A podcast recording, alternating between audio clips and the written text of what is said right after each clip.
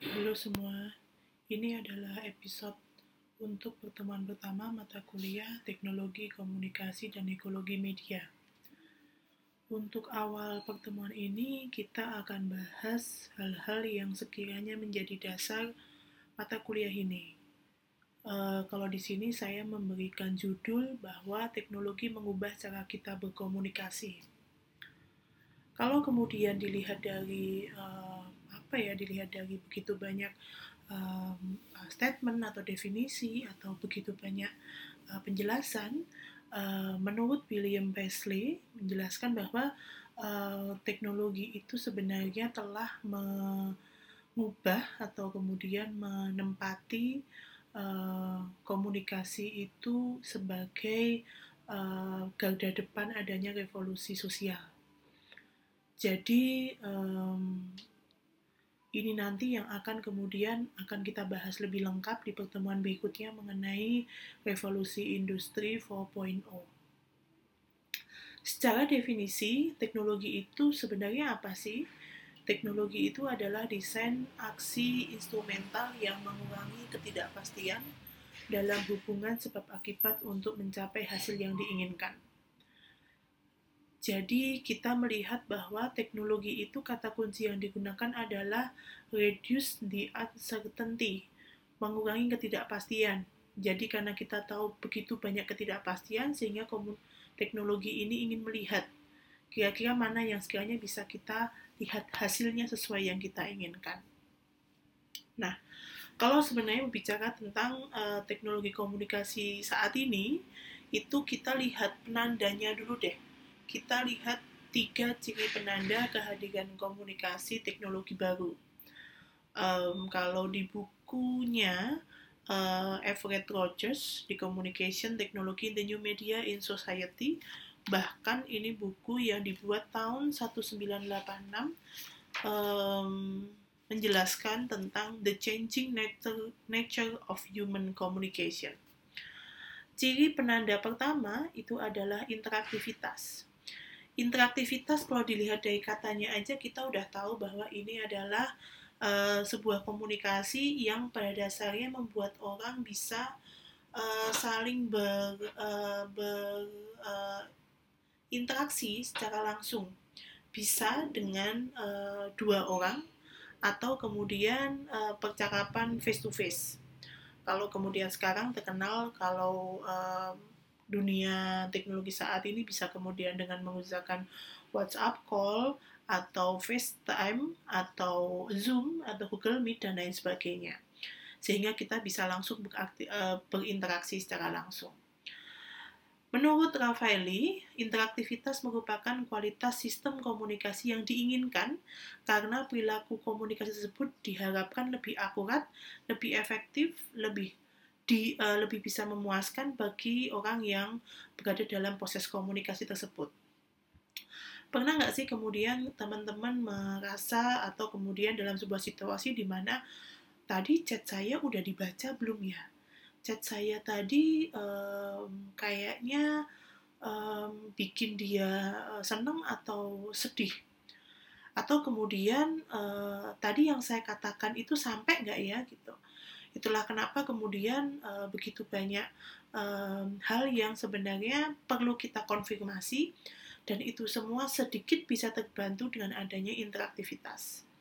Contohnya, ketika kita uh, mengirimkan email jam 12.01 uh, kita uh, kita kita berharap bahwa sebenarnya ketika dia uh, sedang ber uh, online dia juga segera menerima email atau chat kita yang kita kirimkan di 1201 sehingga kita bisa uh, berinteraksi lebih uh, intens seperti itu.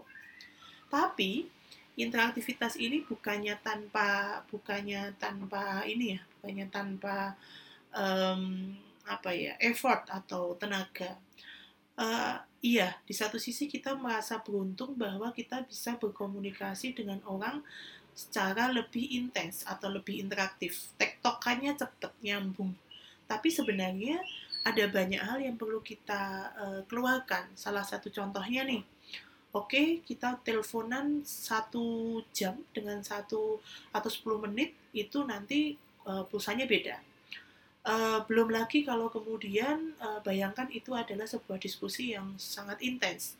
Contohnya uh, ketika harus dealing sebuah project dengan klien, usaha berbicara secara interaktif, tektokannya langsung, itu menjadi sangat berat itu adalah gambaran kenapa pada akhirnya keuntungan-keuntungan saling uh, uh, apa ya saling untuk tahu lebih detail, lebih cepat, lebih akurat. Belum lagi kemudian uh, kita harapannya bisa dibalas dengan cepat itu adalah uh, sebuah uh, keuntungan yang harus dibayar dengan tenaga yang tidak mudah, bisa tenaga, bisa waktu, bisa uh, biaya seperti itu. Kedua itu adalah domestication uh, penanda berikutnya adanya komunikasi teknologi baru itu adalah um, ketika orang itu tidak kemudian bermain di ranah massal. Kalau dulu ada radio, televisi, atau koran, atau kita menyebutnya old media, itu masih menggunakan konsep masif dengan asumsi one to many, satu produser, dua, uh, dua atau lebih, uh, dan begitu banyak uh, penerimanya. Kalau domestication itu justru sebaliknya, tidak bersifat massal. Itu artinya uh, suatu pesan khusus dapat dipertukarkan secara individu di antara partisipan yang terlibat dalam jumlah besar. Adapun domestication ini sebenarnya bermakna bahwa kontrol atau pengendalian sistem komunikasi itu yang awalnya berasal dari media massa besar, lalu kemudian um, beralih ke kita sebagai konsumen. Demasifikasi ini juga bisa diartikan sebagai era di mana uh, ada yang namanya um, uh, audiens aktif atau aktifnya para khalayak atau user atau komunikan dalam menggunakan media. Jadi kalau dulu kita melihat komunikasi itu cuma dari ranah produser atau media-media besar, tapi sekarang balik ke kita. Contohnya kalau kemudian domestication itu uh, bisa dimaknai kalau uh, kita dalam membuat uh, ketika kita mengkonsumsi media, uh, mengkonsumsi berita, kita bahkan bisa membuat berita sendiri. Contohnya kalau kita melihat ada sebuah kecelakaan atau ada sebuah demo di pinggir jalan, kita bisa kemudian postingnya di media sosial kita sendiri. Nah, itu yang kemudian di mana um, pengendalian sistem komunikasi itu ada di tangan kita sebagai uh, konsumen media awalnya, tapi kita bisa menjadi produser media. Nah, berikutnya adalah asinkronus atau asinkron. Um, sebenarnya kalau dilihat dari katanya teman-teman pasti udah paham sih asinkron itu uh, sesimpel bahwa kita punya kemampuan kapan mengirim dan kapan menerima pesan uh, kalau ada sinkron, ada asinkron. Sinkron itu contohnya kita lihat uh, perbedaan antara sinkron dan asinkron. Sinkron itu artinya uh, ketika pengirim pesan itu mengirimkan pesan, si penerima itu harus menerima pesan secara langsung. Contohnya kalau saya menelpon salah satu uh, teman saya di jam 5 sore, berarti dia juga harus menerima teleponnya jam 5 sore itu berarti kalau dia tidak menerima telepon, berarti dia tidak menerima panggilan telepon saya. Berarti tidak ada komunikasi dong setelah itu. Nah, berbeda cerita kalau kemudian saya mengirim sebuah chat atau pesan atau SMS atau apa pun itu, bisa email, bisa chatting atau WhatsApp dan lain sebagainya ke teman saya jam 5 sore, uh, jam 17.00 waktu Indonesia Barat. Kemudian dia saat itu sedang di uh, di di dalam perjalanan uh, di jalan sehingga dia tidak bisa membuka handphone. Dia baru bisa menerima pesan dan membuka dia di jam 17.35. Itu yang namanya menerima pesan uh, tadi yang namanya asinkron itu sama halnya ketika kita melihat dalam kasus yang lebih besar bisa email, bisa chat, uh, bisa um, saat ini ada begitu banyak media, contohnya um, apa namanya um, media yang sangat terhubung, contohnya platform-platform hiburan itu kan sebenarnya juga sama. Contohnya ketika kita melihat uh, film, film di televisi diputar jam 9 malam, berarti kalau kita nggak lihat TV tersebut jam 9 malam, kemudian kita nggak nonton uh, film tersebut. Nah, sekarang yang asinkron itu kita melihat begitu banyak platform yang ada. Contohnya ada YouTube, uh, yang kemudian oh iya saya kemarin ketinggalan nih satu uh, satu uh, apa ya satu episodenya Tonight Show contohnya sepersekian menit atau sepersekian jam nanti uh, um, YouTube-nya Net TV atau YouTube-nya Tonight Show kemudian sudah memposting uh, acara yang tadi jam 9 malam.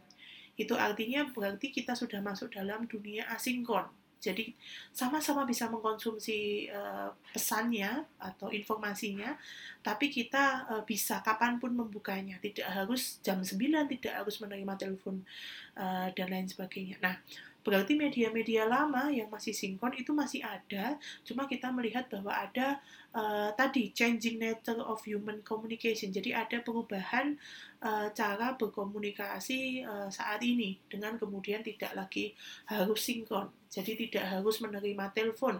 Kalau menerima telepon itu harus di jam itu, tapi telepon itu akan bisa digantikan ketika dia menjadi sebuah teks suara, contohnya dikirimkan via WhatsApp. Nah, itu berarti ada kondisi yang memang berbeda.